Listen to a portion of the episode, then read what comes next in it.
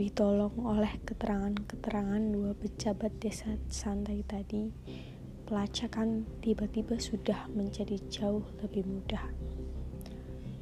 Pada hari itu juga, pasukan-pasukan Wiraguna berhasil memergoki Prana Citra dan kekasihnya di rakit dekat muara sungai Oya Opak. Prana Citra dan Mendut masih mencoba membantu tukang rakitnya dengan bambu-bambu agar lebih cepatlah rakit menyeberangkan mereka. Tetapi di tepi sungai seberang muncul pula pasukan-pasukan Wiraguna. Kedua orang muda itu terkepung Tersenyumlah sekarang Prana Citra dan memandang Mendut penuh keyakinan dan harga diri. Hembusan napas panjang, seolah-olah segala keraguan-raguan terakhir terenyah final dari dada Prana Citra. Seolah-olah segala tumpukan beban kapal-kapal dagang ibunya ingin ia kembalikan ke dalam samudera. Inilah saat kita, adikku sayang. Saat tidak lari tetapi menjemput dan menghadapi. Melawan sekian banyak pasukan, apa kita akan menang? Senyum Prana Citra terarah pada pasukan-pasukan yang mengepung, mengepung mereka. Senjata, benda melawan keyakinan Siapa yang akan menang, adik? Rara Mendut tersenyum bangga dan mesra lebih erat memegang tangan kekasihnya. Dua pasang mata dan bidang dada menghadap ke Wiraguna di tepi. Kemerdekaan tidak pernah hanya hadiah belaka. Kemerdekaan harimau pun, Garuda pun adalah buah perjuangan kesadaran harga diri. Prana Citra memberi isyarat kepada tukang rakit supaya membalikan arah. Ternyata di tepi sudah berjubel tentara dan rakyat, lelaki, perempuan, anak-anak yang ingin melihat kesudahan lakon. Rakit menghampiri tepi. Suasana sunyi mencekam, tiada bunyi, tiada ucapan. Pelan-pelan rakyat menghampiri tepi sungai. Sesampai di tepi dengan tegak, Prana Citra melangkah, diikuti oleh Mendut yang agak gemetar tangan, gempa di dada tetapi pasti dalam niat. Menghadapi saat perhitungan terakhir. Tatapan pertama mata dari Wiraguna bertemu dengan Prana Citra. Baru Mendut. Bunyi gelombang-gelombang laut pasang semakin terdengar. Angin semakin menderu. Dari kejauhan terdengar suara anjing-anjing menyalak. Bunyi gagak laut berkauk-kauk seolah-olah mau mengisyaratkan saat mau. Seekor buaya merangkak ke mangsa anak-anak rusa yang sedang bermain-main. Wiragunalah yang mengucapkan kata pertama. Bukan nada-nada amarah ataupun kebencian, melainkan kesedihan. Kesedihan kaum tua yang telah membiasakan diri merasa memberi segala-galanya kepada sang muda dan terbiasa menerima kata terima kasih. Prana Citra, kau yang sudah kuberi atap perlindungan dalam rumahku, Kau yang amat kusayangi melebihi abdi-abdi lain. Mengapa kau berkhianat? Prana Citra berlutut lalu menyembah. Mendut bersila di belakangnya. Paduka yang mulia Kanjeng Raden Tumenggung Wiraguna. Jika apa yang sudah hamba lakukan adalah pengkhianatan, maka saat ini pun Prana Citra sanggup menebusnya dengan kematian. Wiraguna diam, memandang sedih kepada Raro Mendut, penuh sayang nada-nada kata terucap. Mendut Roro tersayang Tidakkah kau mengerti betapa mendalam cintaku padamu? Kok sampai sekian balasanmu terhadap Wiraguna? Mendut bersumpah Rambut-rambut wanita panjang kanjeng Tumenggung Daya rabanya pun panjang dan lembut. Wanita di dalamku merasa Paduka mencintai gengsi kaum pria. Paduka mencintai kewibawaan panglima yang jaya. Bukan si mendut yang si mendut. Mendut bagi Paduka hanyalah lambang peneguhan kejayaan senjata dan kewibawaan kebi, kewibawaan Mataram. Apakah itu keliru? Bukan hamba yang menjadi hakim paduka yang mulia. Sejurus Wiraguna diam, lalu ia berpaling dan memanggil Wedana dalam suitra wajah. Ia membisikkan sesuatu Wedana dalam memanggil Panewu pasukan rakyat yang berjebul diusir semua. Juga para pejabat dan prajurit diharuskan menyingkir. Ada beberapa anak dan pemuda toh masih ingin mengintip. Tembakan senapan musket di udara, semua lari tunggang langgang. Tinggal tiga pelaku utama di bawah enam mata.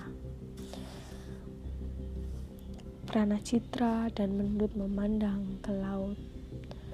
Muara sungai opak di hadapan mereka tanpa kita kata mengingatkan bahwa saat penentuan telah datang. Kemenangan atau kekalahan bukan pertanyaan pokok, melainkan apakah ada kesanggupan untuk mempertaruhkan segala-gala demi suatu keyakinan. Bagi suatu cinta, Wiraguna yang membelakangi laut sebenarnya telah keliru kedudukannya. Ia berdiri sendirian tanpa Nyai Ancem, Putri Arimbi, Sari Narendra, dan lain-lain. Sedangkan Pranacitra didampingi Mendut dan Mendut disertai Pranacitra. Wiraguna membuka adegan penentu tidak ada air yang sejati ingin merangkak kembali ke lereng-lereng gunung. Di sinilah segala-galanya harus kita putuskan.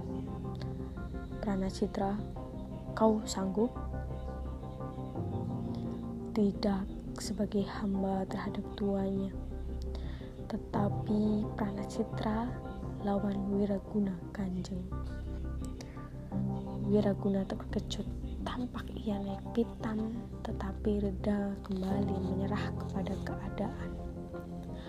Pandangannya memandang, menduk lalu ke Pranacitra. Di hadapan maut memang tidak ada tuan, tidak ada hamba mendut. Kau sanggup kehilangan kekasihmu. Kekasih tidak pernah hilang kanjeng Tumenggung. Jawab menut kesit menangkis serangan yang menghina itu. Bingung hati Wiraguna dari dalam. Tegaslah, siapa yang kau pilih? Wiraguna atau Prana Citra? Langsung dijawab Prana Citra tanpa kehilangan sepersepuluh detik pun. Wiraguna menghembuskan napas panjang. Pertanyaan yang salah. Jawaban seharusnya sudah dapat diduga melukai. Harus jelas sekarang kedudukan soal.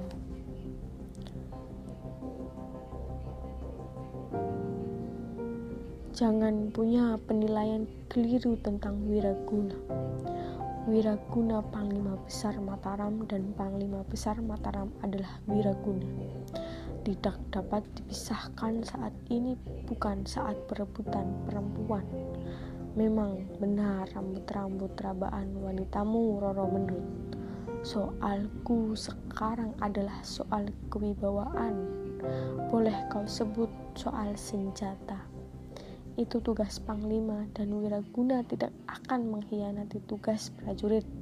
Seperti kau pun Pranacitra dan Mendut, kulihat tidak mengkhianati cinta kalian. Widana dalam datang membawa tiga ekor kuda, sepasang tombak dan satu bilah keris. Tombak dan keris diberikan kepada Pranacitra dan diterimanya, tetapi kuda ditolak kedua muda itu. Keris kemudian dibawakan Mendut, Wiraguna berkuda, dan Roro Mendut serta Pranacitra di sampingnya berjalan mengikuti kuda ke arah muara sungai. Suwitra Praja setia membututi.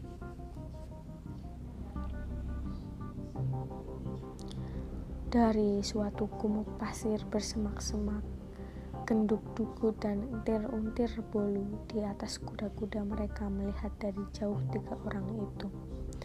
Berhati-hati mereka mencari jalan mendekat.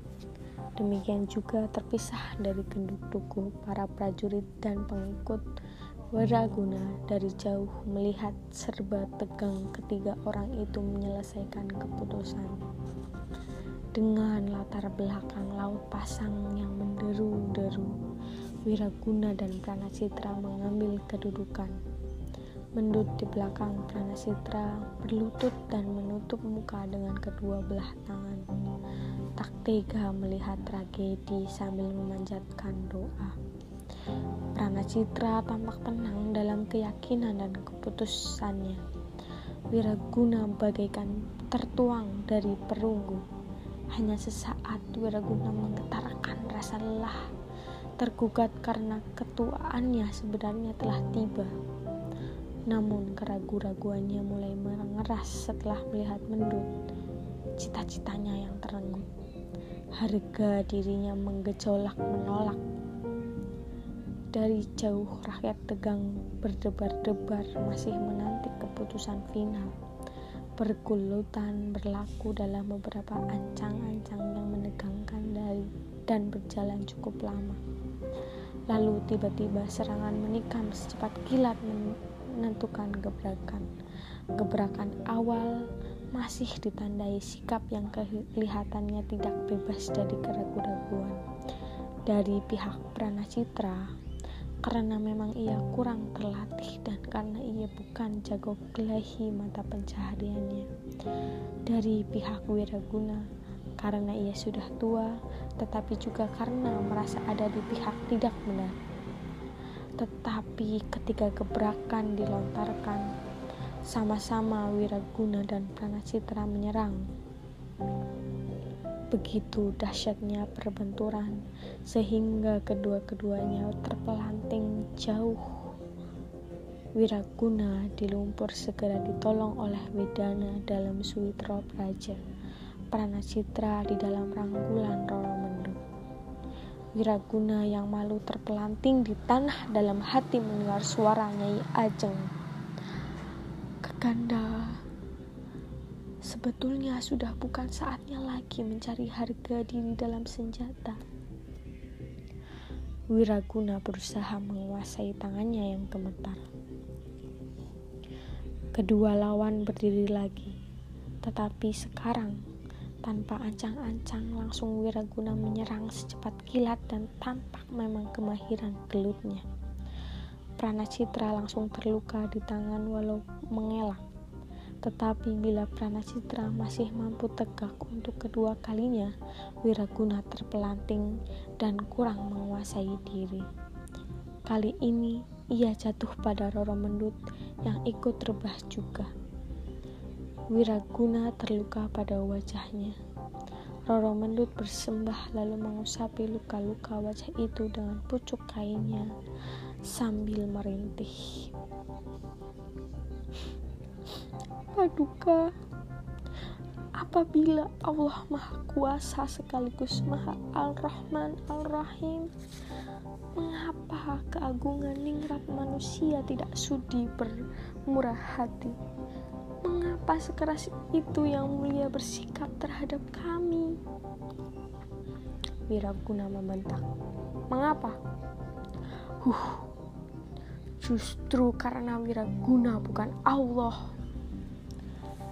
Terkejutlah Roro Mendut.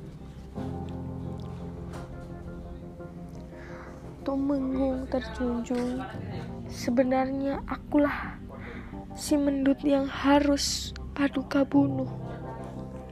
Bergumamlah Wiraguna cengkel. Membunuh wanita lain caranya. Lebih terkejutlah Mendut.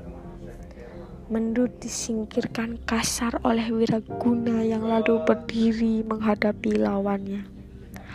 Ancang-ancang tegang dan lama sekali.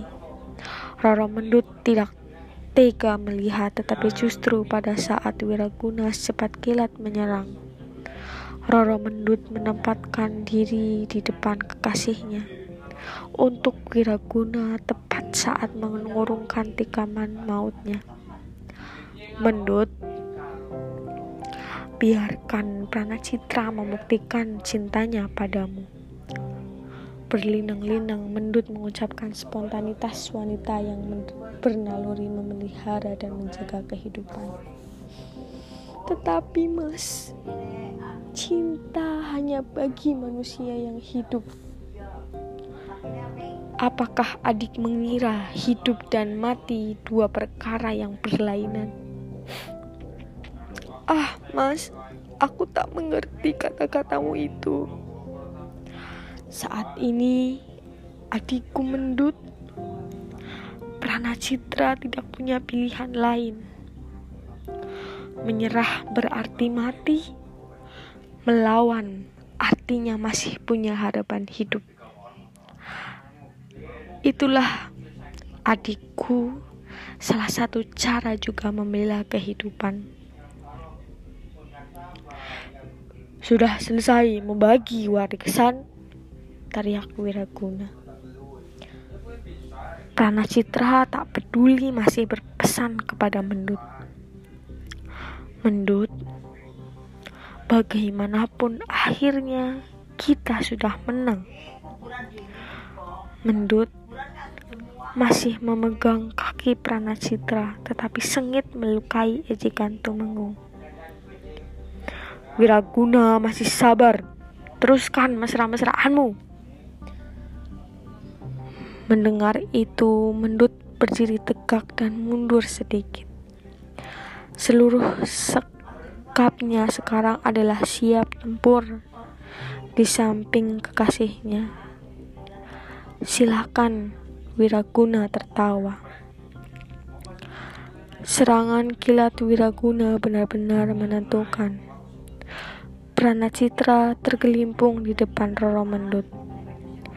Walaupun masih sempat menikam Wiraguna yang terampil mengelakkan serangan. Wiraguna mengamuk untuk kedua kulinya dan penuh nafsu menikamnya, menikam kerisnya ke arah dada Citra. Tetapi pada saat itu Mendut maju spontan bermaksud membela kekasihnya. Tanpa sengaja keris Wiraguna menusuk jantung Mendut yang rebah di atas kekasihnya. Sebuah gelombang besar dari laut merenggut kedua kekasih yang bermandikan darah sambil merangkul itu. Terbawalah langsung mereka ke muara. Wiraguna masih dapat bertahan diri di pasir pantai dan melarikan diri dari kemang kemungkinan gelombang susulan. Genduk duku kawan-kawannya dan seluruh prajurit serta rakyat dari jauh menjadi saksi bagaimana Mendut dan Pranacitra disambut oleh gelombang-gelombang laut dan dihela menjauh dari pantai dilempar kembali ke muara, dihela lagi menjauh. Berkali-kali dan masih saja saling berangkulan. Wiraguna tertegun dan dengan kerisnya di dahi, tunduk perlahan-lahan, duduk bersila di tanah, dan terharu memberi hormat. Genduk Duku dari jauh melihat dua jenazah itu ditelan oleh gelombang-gelombang laut. Ia memacu kudanya yang bagaikan kilat mendekati muara. Tertegun ia di hadapan tembok gelombang-gelombang bersembah hormat penuh air mata.